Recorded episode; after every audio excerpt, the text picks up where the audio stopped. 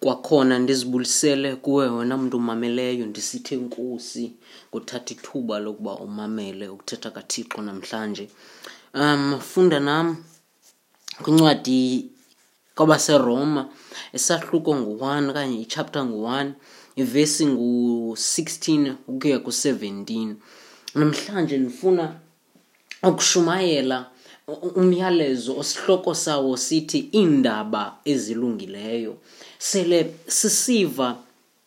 kwezi ntsuku siphila kuzo okanye kule mihla siphila kuyo siva kuthethwa kakhulu ngecorona this corona that abantu bayafa ngenxa yale corona abantu bayasuleleka abantu baphelelwa yimisebenzi ngenxa yale corona kwaye loo nto ayondaba zimnandi okanye iindaba zilungileyo kodwa namhlanje ndiphethe iindaba ezilungileyo funda nam kolapha kwabaseroma chapter 1 verse 16 ithi kuba andinazintloni ngazo iindaba ezilungileyo zikakristu kuba zingamandla kathixo okusindisa bonke abakholwayo umYuda kuqala kwanomGrike, kuba ngazo kutyhilwa ubulungisa bukaThixo buphuma elukholweni buse elukholweni, njengokuba kubhaliwe kwathiwa, Olilungisa ke uyakudla ubumi ngokokholo.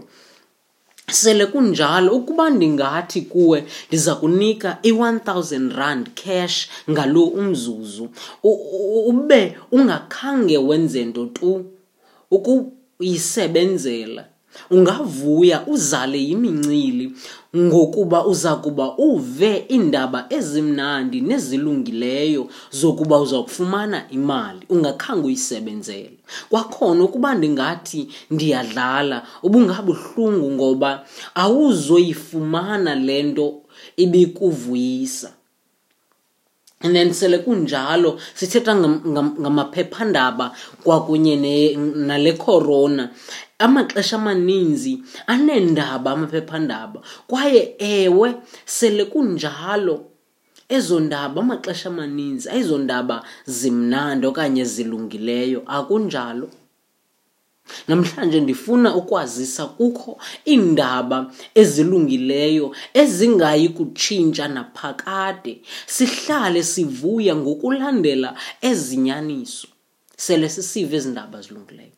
okokuqala ndifuna sijonge ezi ndaba zilungileyo ngamanye amaxesha ukuthi kwakuthethwa ngezindaba kuthiwe yivangeli igospel ngelamakhumsha okanye igospele ngelamakhumsha Now apho kule vesi sibona uPawulosi ethetha ngelithi akanazintloni ngazo ngentetho evakalayo akanakho ukufihlisa ngazo ezindaba akayo khabhathi ngazo akakwazi ukuzimelisa e, e, eneneni ziyamtshisa zimkhokhelela ekubeni athethe ngazo ezipapasha ndawo yonke ndlela ezimnandi ngayo kwalapha kwabaseroma jonga nam kwivesi engaphambili uvesi 15 uthi xa ethetha upawulusi ngokunjalo okukokwam Ndingxamele ukuzishumayela iindaba ezilungileyo nakuni baseRoma, ndlela ezimnandi neziyinyaniso ngakhona, uthi akuthetha ungxamele uyokuchazela nabo bakude kwaye bangazivanga ezi ndaba zilungileyo. sele kunjalo akuneli kukuthi aba balapha kufitshane bazazi kodwa nabakude abo bangenanto bangenathemba kumelwe bazivile ezi ndaba baze babuye babe nethemba elitsha ezimpilweni zabo nathi namhlanje ngokunjalo sele sinale platform inguxhosa resources sifuna abo bangenathemba babe nethemba elinjalo bazive ezi ndaba zilungileyo nawe selumamele ukuthi uzive uziqonde ukuba ndlela ezilunge ngayo empilweni yakho ube nethemba elitsha ngazo kwaye selunelithemba litsha ukuthi uchazele nabanye abebekade befana nawe bengenalo ithemba kwaye bengazazi ezi ndaba bahleli nje sele ujonga kufacebook ujonga kuyoutube ndawo yonke kuthethwa ngale corona kodwa ube nale nto wena intsha izindaba ezilungileyo And then sele kunjalo inokuba zingabani ezi ndaba upawulosi angxame kangako ukuthi athethe ngazo funda nam kwabasekorinte chapter 15 kwabasekorinte bokuqala chapter 15 verse 3 noverse 4 ithi kuba ndaninikela kweziyintloko izinto oko ndakwamkelayo nokwamkela okokuba ukristu wazifela izono zethu ngokwe ziyintloko nokokuba wangcwatywa nokokuba uvukile ngomhla wesithathu ngokwezibhalo ezi ndaba siyazibona apha zingoyesu kristu lowo waye wayethenjisiwe uxolo ingqondo yami kude wayethenjisiwe kwitestamente endala ukuba uyeza kwaye uzela uzofela ityala lesono sakho wena mntu umameleyo okanye wena mphulaphuli azofela netyala lesono sam sithi thina boni senziwe amalungisa ngezono za ngesenzo sakhe ngenxa yezono zethu and then sakuba sivile ukuba zingabani ezi ndaba uthi aqhubekeke esicacisela ukuba zingantoni ewe zingalo yesu kristu kwaye aqhubekeke ecacisa ukuthi ziqulathe ntoni uthi xethetha zingamandla oko kukuthi zingumqondiso umsebenzi inyathelo okanye indlela athi uthixo enze ngayo okuthile kwaye siyabona apha ukuba ngumqondiso asenzele wona ukuze sisindiswe sibe nobudlelane naye sele kadini yaseedini kwaye wohlulwa umntu nothixo wasuka kwakho umsantsa phakathi komntu nothixo kwakho ubu kuthiwa yintoni nale nto akwabikho ubuhlobo kwa, kodwa kwabakho e, enmity itsho ngesingesi ngesixhosa ithi kwabakho ubutshaba phakathi kothixo nomntu waze uyesu kristu ngendlela kathixo ngamandla kathixo ngegunya likathixo wanguye ozawungena asuse obobutshaba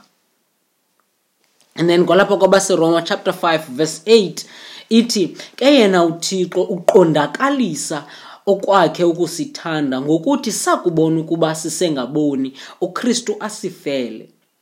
usifundisa ngokuba indlela uthixo awasithanda ngayo wasibonisa ngalo mhlobo ngale ndlela sele singafanelwe kuxolelwa ngenxa yezono zethu wasenzela umqondiso omkhulu kunayo yonke sakuzibona ngendlela asibona ngayo nesono sethu uthi lo mqondiso usebenze ezimpilweni zethu sihlanjululwe senziwe abantwana bakathixo ncwadi kayohane chapter 1 verse 12 abo bakholwayo benziwa abantwana bakathixo banikwa igunya nathi sihlanjululwa ngokukholwa sakuzibona ngendlela uthixo abekade akade asibona ngayo nawo ekuthanda nje ufuna ukusindisa athi akukhulule phantsi kwedyokhwe yobukhoboka kuphele ukuthi ulawulwe sisono kwaye hayi wena kuphela kodwa bonke abakholwayo okanye abathembele kwinyaniso yokuba asinako ukuzisindisa nokumkholisa uthixo ngokunokwethu wawukholwa kuloo nto ukholwa ukuthi ngunyana wakhe ukholwe kunyana wakhe kungona uba noxolo funde nam kwabaseefese chapter 2 verse 8 and 9 ithi kuba nisindisiwe ngokuba balwa nangalo ukholo nako oko kungaphumi kuni kusisipho sikathixo akuphumi misebenzini hleze kubekho bani uqhayisayo ebonile uthixo ukuba silelele eluzukweni lakhe okanye we have fallen short of uzuko lwakhe of his glory wenza icebo ngokuba imisebenzi yethu ayihlambulukanga indlela kathixo ingoyesu kuphela ngokukholwa kuye qha njengomsindisi owafela isono sakho Yayibona uThixo asinakho ukuza kuye ngokunokwethu. Asinakho ukumkholisa. Asinakho kwaphela. Imisebenzi yethu, ubulungisa bethu bufana nengubo eziluzizi phambi kuYehova. Funda nam kwincwadi yamaHebhere chapter 1 verse 6 ithi ke lungekho ukholo akunakubakho ukumkholisa kakuhle kuba lowo uzayo kuthixo umelwe kukukholwa ukuba ukho nokuba ungumvuzi wabo bamfunayo singazama emandleni ethu kodwa eyona nto ivuyisa uthixo lukholo kunyana wakhe yedwa jwi amayuda amelwe kukuthembela kuye ukuze asindiswe ekholwa kwezi ndaba zilungileyo kwaye namagrike okanye iintlanga zonke zehlabathi nazo ngokunjalo nkqu wena mntu mameleyo nam ngokunjalo andinakho ukusindiswa andinako ukuhlangulwa esonweni sam nakwingqumbo kathixo ezayo ngenxa yesono sam andinako ukuhlanguleka kwezondo ndingakhange ndikholwe kuyesu kristu nawe ngokunjalo akho msebenzi ulungileyo nowenza ungakhange ukholwe kuyesu kristu kumele ukholwe kukristu kuphela sele sibonile indaba ezilungileyo ndifuna okwesibini sele sijonga kuvesi 17 sifunde okanye sazi injongo yezi ndaba emva kokuba sibonile ukuba zingabani nokuba zisekezelwe en, e, enini ndifuna siqwalasele eyona njongo yazo sibonile eh, zingabani ezi ndaba sabona nokuba zisekezelwe entweni the foundation of this gospel now sele kunjalo ndifuna sijonge the purpose abantu abaninzi baneengcinga ba, ba ezahlukileyo ngothixo apha kwezi ndaba sifumana iingcinga ezizizo nekumelwe sizazi ngothixo ebulungiseni bakhe ubulungisa kukuthi ubonakale ungumzekelo olungileyo nogqibeleleyo ngokwenene nangenyaniso kwaye ibhayibhile iyasichazela ukuba ngokunokwethu asinabo ubulungisa nguthixo kuphela funda nam kwalapha kwabaseroma chapter 3 verse 10 ithi njengokuba kubhaliwe kwathiwa akukho lungisa hayi nalinye as it is written there is none righteous no not one iyasichazela le vesi ngokokubona kukathixo akukho okanye akakho um-, umntu ongcono nolungileyo kunomnye ngenxa yemeko yesono sethu and then kwalapho kwabaseroma chapter 10 verse 9 and 10 ithi ngokuba xa uthe wamvuma ngomlomo wakho ukuba uyinkosi uyesu wakholwa ngentliziyo yakho ukuba uthixo wamvusa kwabafileyo wosindiswa kuba umntu ukholwa ngentliziyo ukuze abe nobulungisa avume ke ngomlomo ukuze asindiswe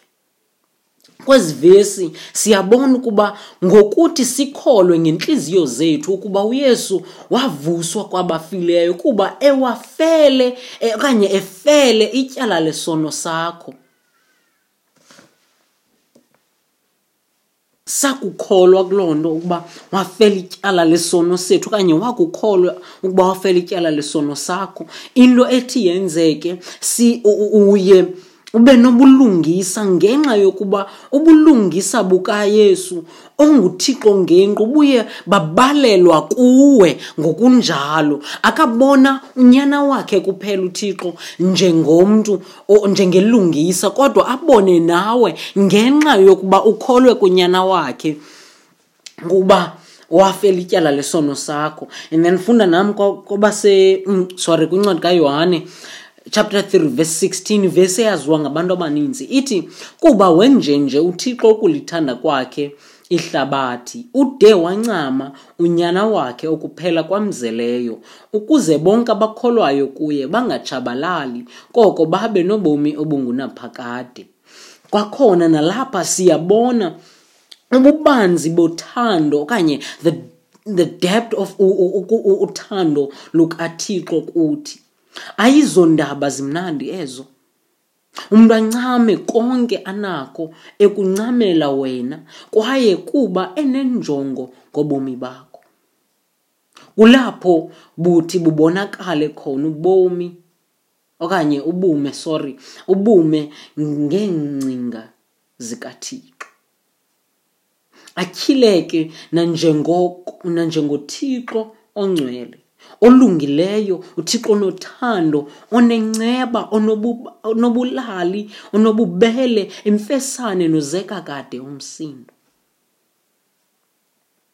engabonke bangasingisela enguqukweni ewe ukufa nentshabalalo yangena ngenxa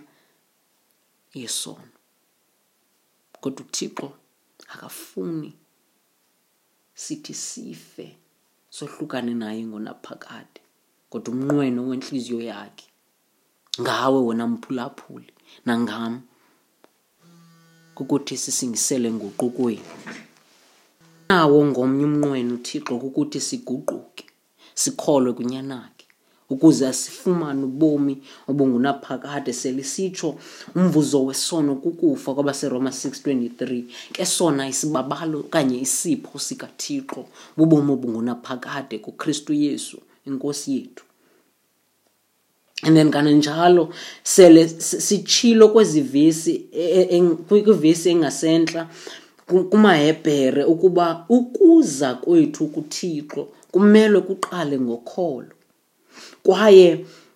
ekubeni siqalile ukuza Kuye ngokholo asinakho ukuthi siphinde simquqele ngaphandle kwalo ukholo. Siphila endimeni yokulandela oko kuthethwa nguThixo ukuze sibe nokumkholisa kwaye yonke loo nto izawuhamba ngokokholo.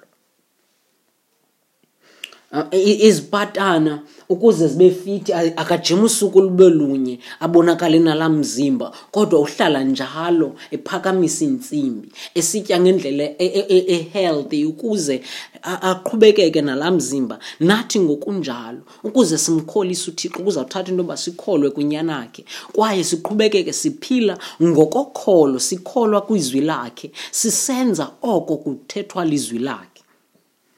funda nam kumahebhere chapter 11 verse 39 ithi aba bonke bathi nakuba bebengqinelwe ngalo ukholo abazuzana nalo idinga apha sixelelwa ngabantu ababephila ngokholo belandela imiyalelo kathixo nangona bengazange balifumane idinga okanye bawubone umhla